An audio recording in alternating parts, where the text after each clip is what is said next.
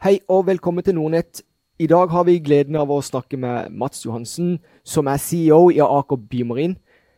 Mitt navn er Roger Berntsen. Så er det viktig å presisere at denne seansen ikke skal være anses som investeringsråd. Vårt mål er utelukkende å bli bedre kjent med Aker Bymarin som selskap, og ikke minst lære mer om den bransjen som de opererer i. Sesjonen blir delt i to. Først skal Mats dra oss gjennom en kort presentasjon av selskapet. Så skal vi gå direkte over i del to, som er Q&A-sesjon. Tusen takk. Veldig bra. Så jeg tenkte med å begynne å bare forklare litt hva Aker Bymarin driver med. Vi er et krill-selskap. Og krill er en interessant ressurs å jobbe med, for det er verdens største biomasse. Og så fins det krill i alle hav på jorden. Og hav dekker 70% av jordas overflate, så det er krill overalt. Og så sitter krillen nederst i matkjeden, og vi lærte jo i biologien på skolen at alle de viktige næringsstoffene akkumulerte seg opp gjennom den matkjeden. Så du kan tenke deg at gjennom størrelsen på biomassen, det at den er overalt, og at den sitter nederst i matkjeden, så er næringsstoffene i krill viktig for alt liv på jorden.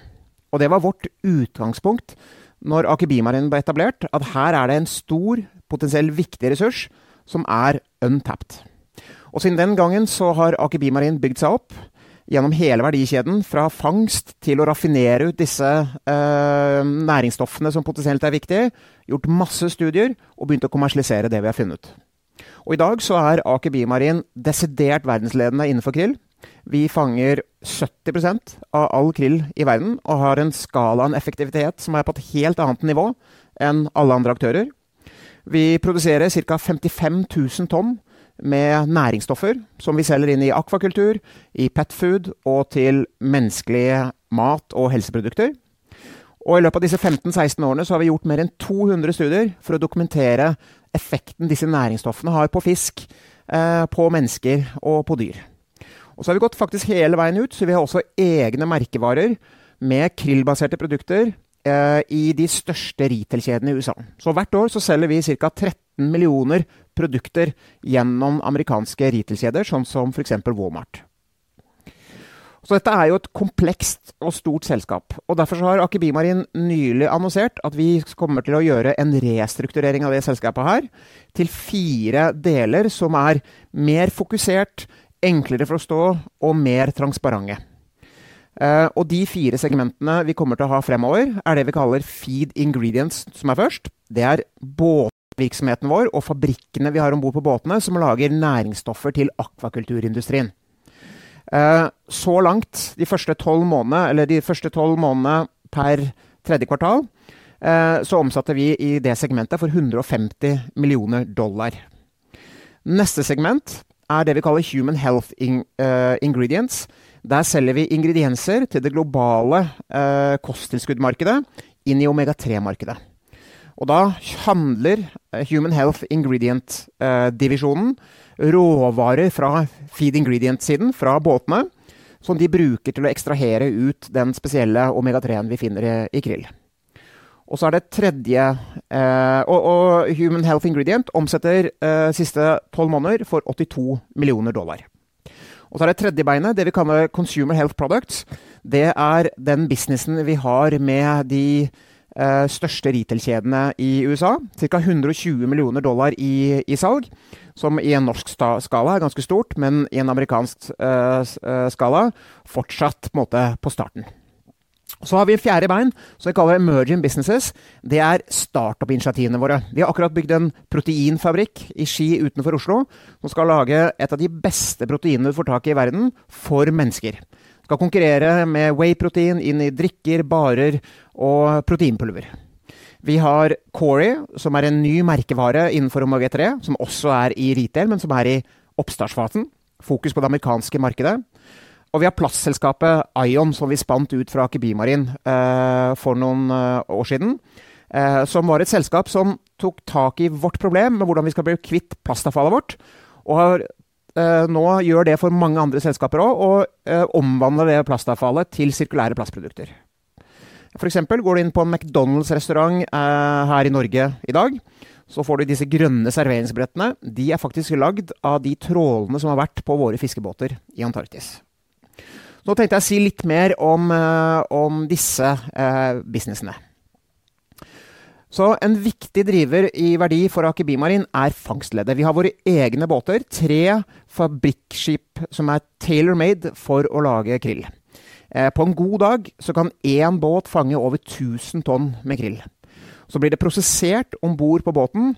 Enkelt forklart så fjerner vi vann, sånn at vi kan ta bort 85% av volumet og sitte igjen med bare næringsstoffene.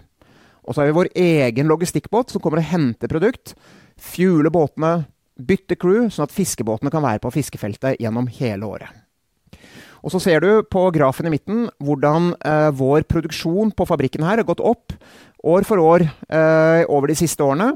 Spesielt fordi vi har lagt på ny kapasitet. Vi hadde et par vanskelige fangstår i 2020 og 2021, rett etter at vi tok selskapet på børs, som har gjort at eh, kursen på selskapet har falt mye i perioden. Men både i 2022 og så langt i 2023 så har vi et mye bedre fangstår. Så year to date så ligger vi på par med fjoråret. Men eh, vi går inn til shipyard et par måneder hvert år for å gjøre båtene klar for neste sesong, gjøre litt forbedring og sånn. Eh, og i år så gikk vi litt tidligere enn i fjor. Eh, som betyr at vi kommer også tidligere ut i fjerde kvartal, og forhåpentligvis også kan få litt bedre fangst i fjerde kvartal. Her er det faste kostnader, som betyr at jo mer vi klarer å produsere over den infrastrukturen her, jo lavere blir produksjonskosten, og bedre blir marginen for selskapet. Så hoveddelen av disse produktene her eh, går inn i akvakultursalg.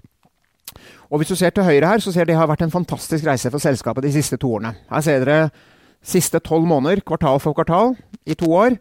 Bare bedre og bedre for øh, hvert eneste kvartal som går fremover. Det er drevet både av mer volum, for vi har fått ny kapasitet, og vi har fått den kapasiteten til å funke bra. Men det er også drevet av eh, priser som går opp. Eh, og det er flere grunner til at eh, prisene går opp. Det ene er at det har vært eh, eh, spesielt måte, fordelaktig marked for marine råvarer. Eh, som gjør at alt annet rundt oss blir dyrt. og det skyldes at Oppdrettsnæringen er en stor forbruker av disse eh, marine råvarene. Spesielt omega-3 og også fiskemel, eller fiskeproteiner. Eh, over mange mange år har oppdrettsnæringen tatt ned nivået av marine råvarer, for de er dyre, og erstatta med billigere råvarer. Og det har man gjort eh, år for år som industrien har vokst, og på den måten som man holdt, holdt etterspørselen i sjakk. Og så har man fått det nivået ned på et nivå nå hvor man ikke kan ta det lenger ned uten at det går på bekostning av helsen til fisken. Og Det betyr at oppdrettsnæringene ikke lenger kan fortsette å ta uh, bruket sitt ned. Og det betyr at etterspørselen av den råvaren her nå begynner å følge uh, den veksten som er i oppdrettsnæringen, som er opp mot 10% i året. Mens tilgangen på denne type råvarer er i beste fall stabil, mest sannsynlig fallende. Og da går prisene, og da blir det også attraktivt for et sånt produkt som det Aker Bimarin har. Og så er det en um, Ja, og så se litt uh, uh, rundt dynamikken uh, i disse prisene for vårt produkt. Så illustrert på venstre side så kan dere se utviklingen i pris for våre produkter inn i oppdrettsnæringen. I 2020 så økte de prisene med 9% og så har de prisene fortsatt å øke gjennom uh, 2023. Men hvis dere ser spesielt nå på uh, tredje kvartal, så er prisene 6-7% høyere enn de var i 2022. Så det betyr at vi fortsetter å øke prisene fremover, til tross for at vi også løfter store, nye volum inn i markedet. Det er et bevis på at det er uh, sterk etterspørsel og høy verdi i produktet. Og hva er verdien i det produktet vi selger? Jo, det er delt i to. Og det er illustrert i grafen dere ser på midten. Det første er at det er det, den har en det vi kaller en commodity-verdi. Så har en oppdretter som tar i bruk en krill-ingrediens i fôret sitt, kan ta ut en del andre næringsstoffer som krillen har. Og Da kan du se hva koster de andre næringsstoffene, og da er det en verdi for krill basert på den erstatningskosten som vi går inn med. Og Hvis vi ser akkurat nå, så tilsvarer den commodity-verdien, som vi kaller det, ca. 2500 dollar per tonn. Den har gått sterkt opp de siste årene. Dobla seg de siste to-tre årene. Så den ligger der i bunn. Og så har du den oransje delen du ser i midten. Det er den verdien vårt produkt bringer til oppdretteren, i tillegg til den eh, rene ernæringsprofilen. Og det som er med næringsstoffene i krill Tilbake til det første jeg sa, at dette er jo næringsstoffer som er viktig for alt liv, og funksjonen for alt liv, er at når du tar dette inn i fôret til fisken, så får den bedre performance. Og vi har dokumentert med mer enn 60 studier, både i småskala og i stor kommersiell drift, flere fordeler. Den første fordelen vi dokumenterte, og som er grunnen til at de fleste bruker ingredienser i dag, er at fisken vokser raskere. 6-18 raskere fordi den har i dietten. Og det er rett og slett fordi at fisken smaker at dette er næringsstoffet han trenger, og appetitten øker, og den spiser mer. Det er en stor verdi for oppdretterne når lakseprisen er god, f.eks. Uh, I tillegg så får du bedre helse. Så det betyr at uh, fisken tåler stress bedre knytta til lusebehandling, tåler virus bedre, og du får mindre dødelighet. Og så får du bedre kvalitet i kjøttet du kjøper. Uh, eller, eller, kjøttet du får ut. Det betyr at det er, ser bedre ut, det smaker bedre, bedre tekstur, og oppdretterne kan få bedre betalt for produktet sitt. Og Hvis vi ser illustrert på den oransje der, så ser dere en liten pil. Det viser hvor prisen vår ligger i dag. Sånn rundt 2008, kanskje.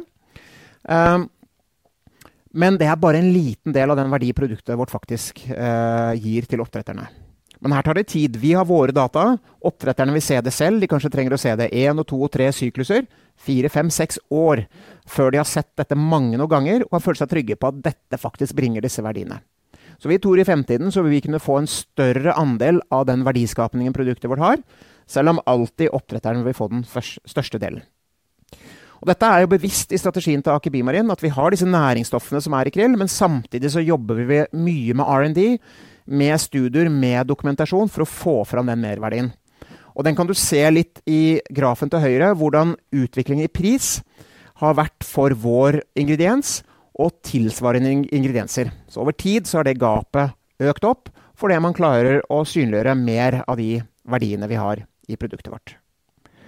Og så er det en ny dynamikk i eh, Aker Bimarin som skjer nå. For eh, vi har økt kapasiteten vår. Vi bygde en ny båt i 2019. Svær båt med stor kapasitet. Og som illustrert på grafen her, med de blå barene, så ser dere hvordan den kapasiteten kommer inn. Også de mørkeblå barene er hvordan hvert kvartal vi har solgt mer og mer og mer volum. Det betyr at selgerne må ut og få økt volumene hos kundene, få nye kunder, samtidig som vi øker prisen, sånn som dere så. For alle som har jobba med salg, vet at det er en stor utfordring. Når du samtidig skal øke masse volum og øke prisene. Men vi har faktisk klart det. Men hvis dere ser nå tredje kvartal, eh, helt, eh, helt til høyre der, tredje kvartal i år, og vi ser de siste tolv månedene bakover, så er det for første gang nå siden vi tok leveranse på den nye båten, så har vi solgt mer enn det vi har produsert den samme tolvmånedersperioden. Det betyr at det blir en helt annen balanse i supply and demand, og man kan ha en helt annen selvtillit eh, inn i forhandlinger med kunder. Og hvor er det denne etterspørselen kommer fra? Jo, ene er at det er et fantastisk bra produkt. Og jeg snakka litt i stad om hvilke effekter det har. Det funker faktisk veldig bra, og det er gang på gang vitenskapelig bevist i uavhengige studier som er publisert i uavhengige journaler. Så, så det er eh, nummer én. Og nummer to er det jeg var inne på litt tidligere, at det er generelt en eh, shortage i marine råvarer som er helt kritisk for at oppdrettsnæringen skal fungere, som gjør at det generelt er høyere etterspørsel, og flere og flere ønsker å sikre seg tilgang til den type råvarer. Og så er det tredje, siste, men ikke minst, det er alt det arbeidet vi har lagt inn i bærekraft over mange år, begynner nå endelig å ha litt effekt. Eh, vi har brukt mye ressurser på å redusere vårt CO2-avtrykk. Halvert det de siste ti årene fortsetter å skal halvere det eh, de neste åtte årene også. En gang til. Så vi har lavt CO2-avtrykk per proteininnhold. Så vi kan være med på å redusere CO2-avtrykket for oppdrettsnæringen.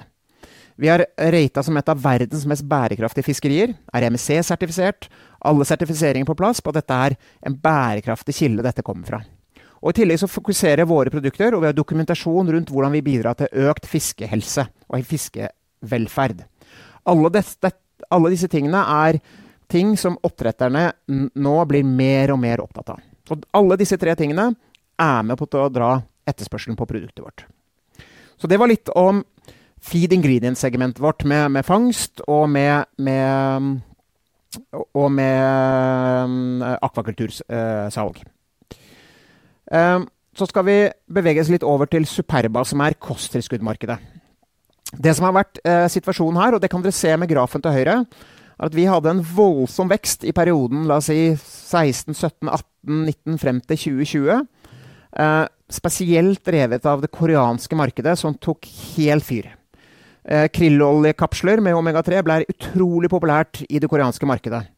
Det ble solgt konsumentprodukter til koreanske konsumenter for mer enn 5 milliarder kroner i året i 2019 og 2020.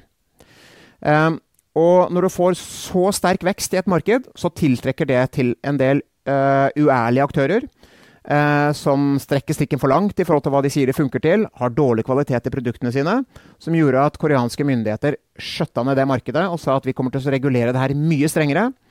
De vil ha produktene analysert lokalt i Korea, de vil ha dokumentasjon av produksjonsprosesser, og ikke minst, de vil ha studiene vi har gjort internasjonalt, replikert i Korea på koreansk befolkning før de lar oss selge det i det markedet. Og det tok tre år å gjøre den jobben. Og 21.9. i år, så bare litt over en måned siden, så kom det første konsumentproduktet med krillolje tilbake i Korea. Og vi har lansert igjen på, eh, inn i markedet med god suksess. Møter og overgår eh, målene eh, og fortsetter å gjøre det bedre og bedre. Eh, så det er veldig bra å se. Men i samme periode hvor vi mista dette salget, så har vi måttet gjøre en ordentlig turnaround på øvrige markeder for å fylle det hullet vi mista i det koreanske markedet. Og det har innebært justeringer i organisasjonen, ansette flere selgere, eh, nye studier, eh, jobbe med nye verdiforslag eller uh, mar market marketing stories. Og som dere kan se da, fra de siste seks kvartalene, fra første kvartal 2022, som på en måte var bunnpunktet vårt, så har vi hatt vekst nå jevnt og trutt i, i, eh, i seks kvartaler, kvartaler, og har nesten fylt opp det gapet vi hadde fra Korea før. Uh, og det er mange spennende ting som skjer i, i, i dette segmentet. Én ting er disse tradisjonelle markedene vi er i i dag. Uh, og hva som skjer i Korea nå som er, vi er tilbake der. Kan vi komme tilbake til uh, gamle høyder?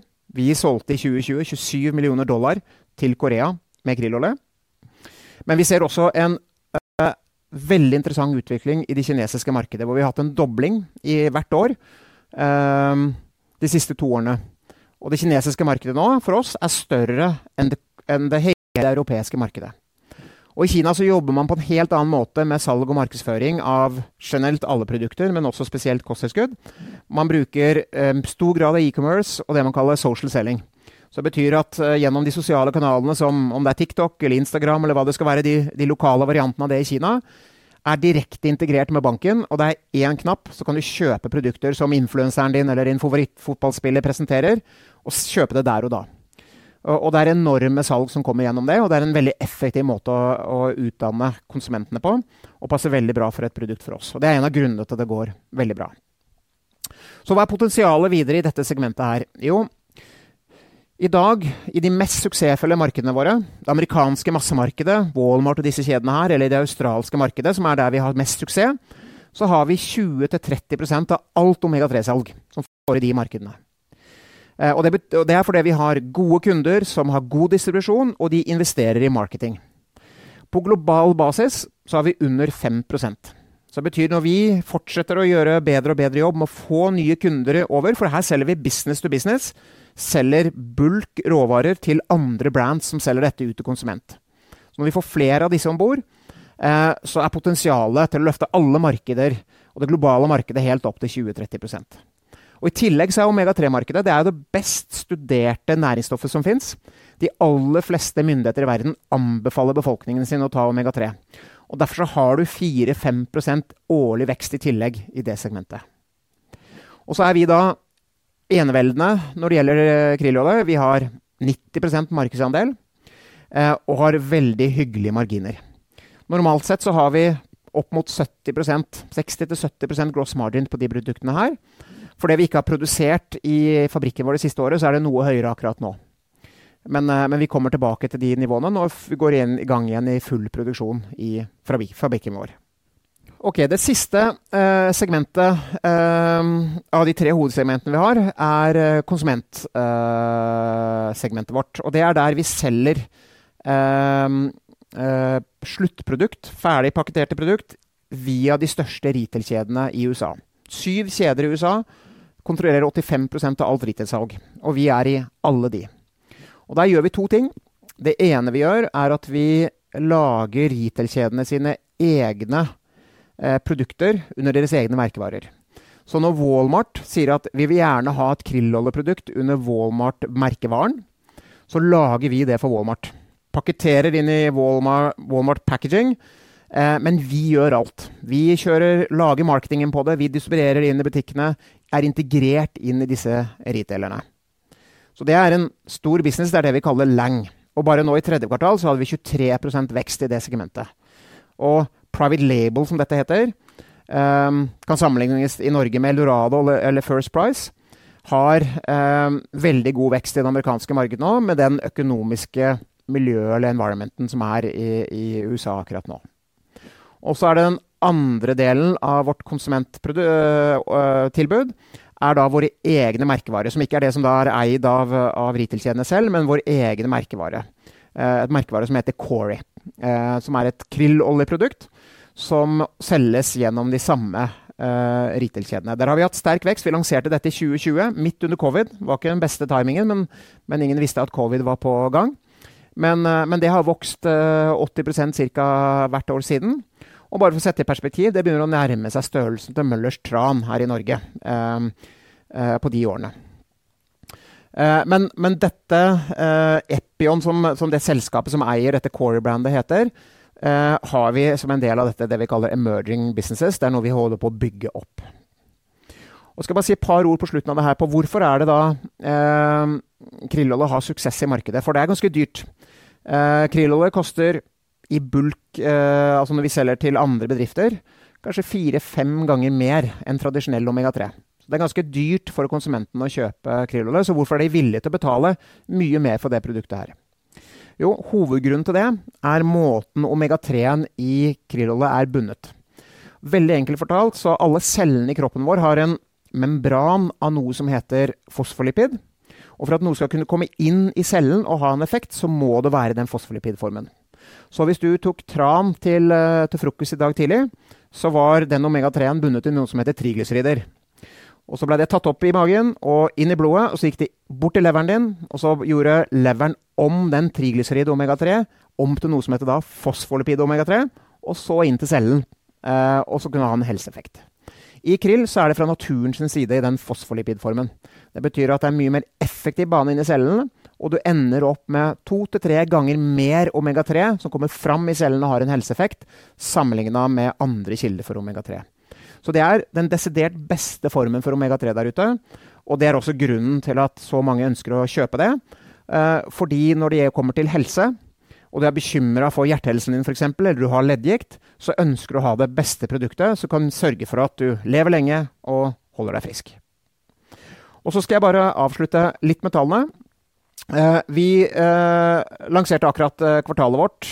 hadde 95 millioner dollar i tredje kvartal i salg. Så passerte en milliard kroner, så en viktig milepæl for, for Aker Bimarin. men men men har vært på en god vekstbane lenge. Og vi er nå, last 12 months, godt over 300 millioner dollar i, i omsetning og 73 eh, millioner dollar i BTA. Så har vi ganske mye gjeld, som dere kan se til høyre der. Men i tredje kvartal nå så begynner den gjelden å bygge seg ned. For cashflowen fra driften vår er positiv. Takk for gjennomgangen, Mats. Jeg har jo forberedt uh, uh, noen spørsmål. Ja. Så får vi se om vi kan få litt mer kjøtt på bein nå ja. i, i, i, den sammenhengen.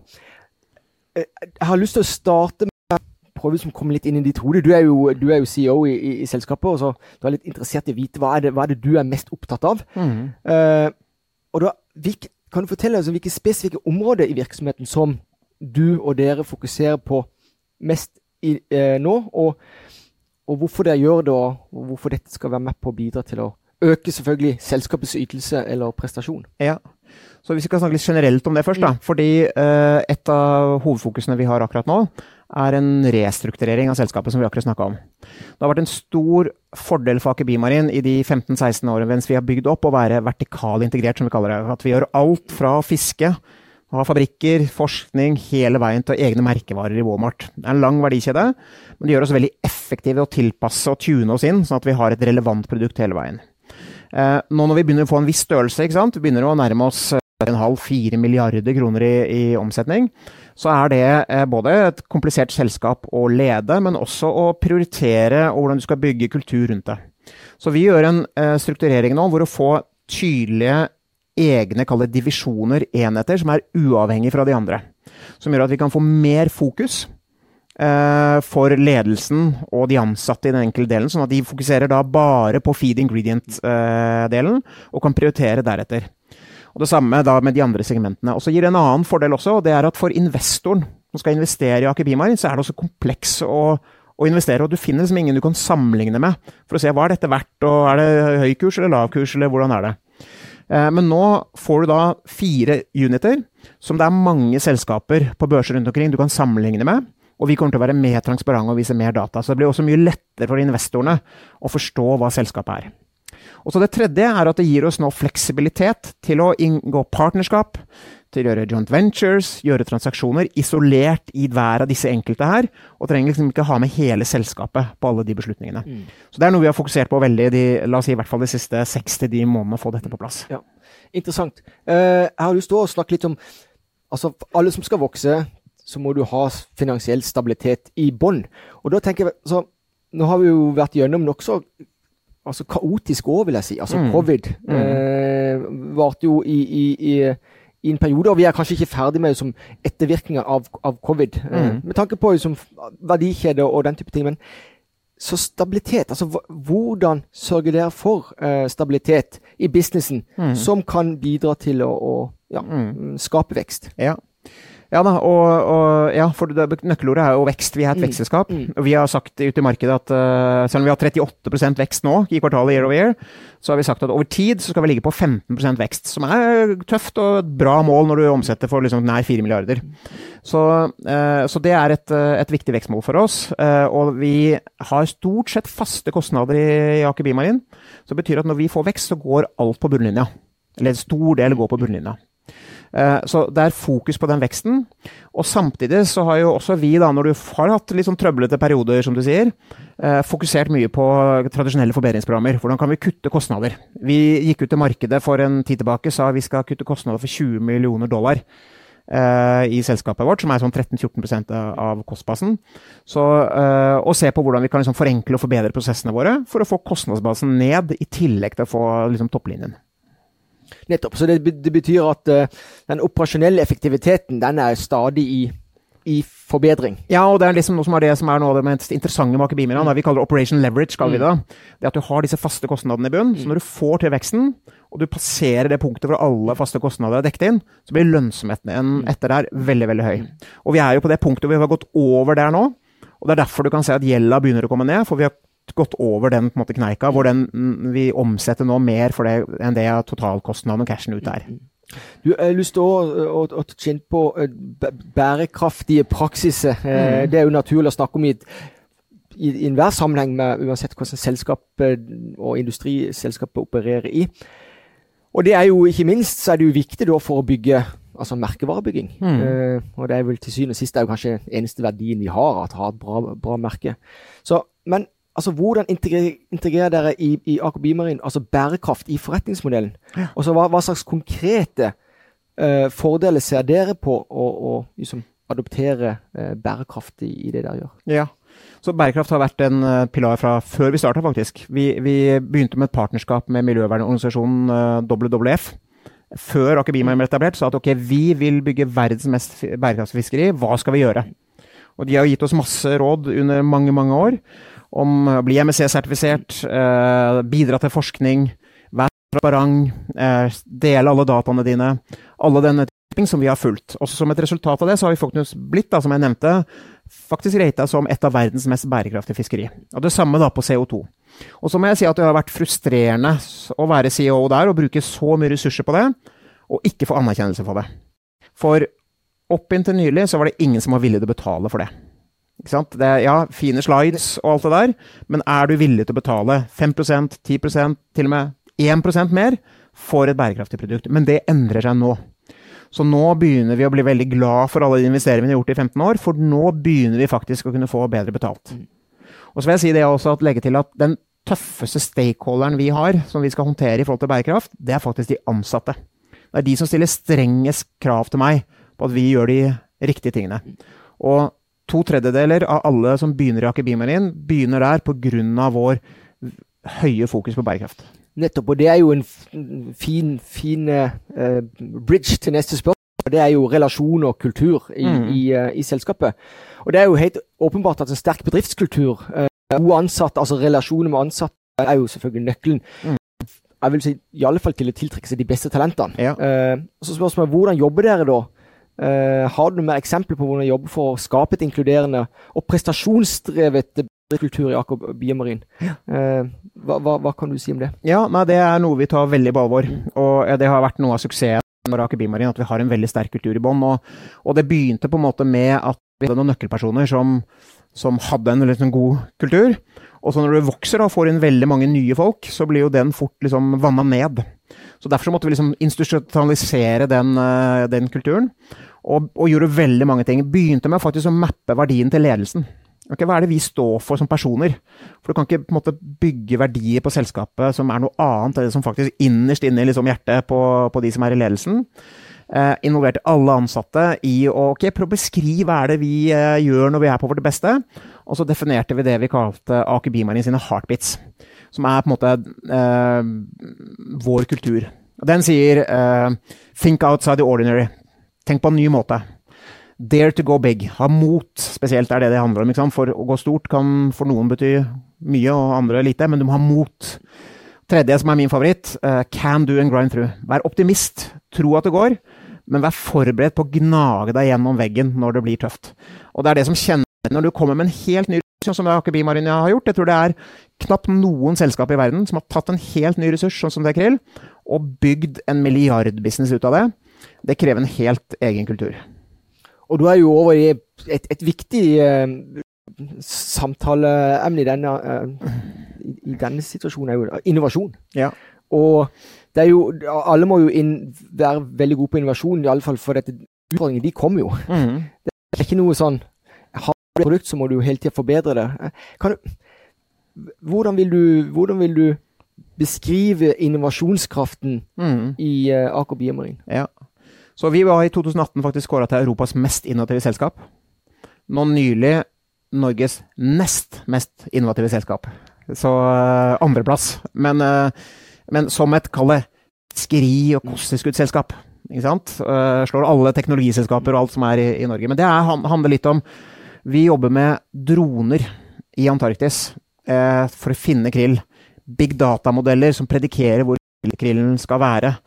Ehm, vi tok utfordringen vår, som jeg nevnte litt, med plastavfallet vårt. Største avfallspunkt er plast. Bakterieringsmaterial, tau, tråler osv. Satt oss først et mål.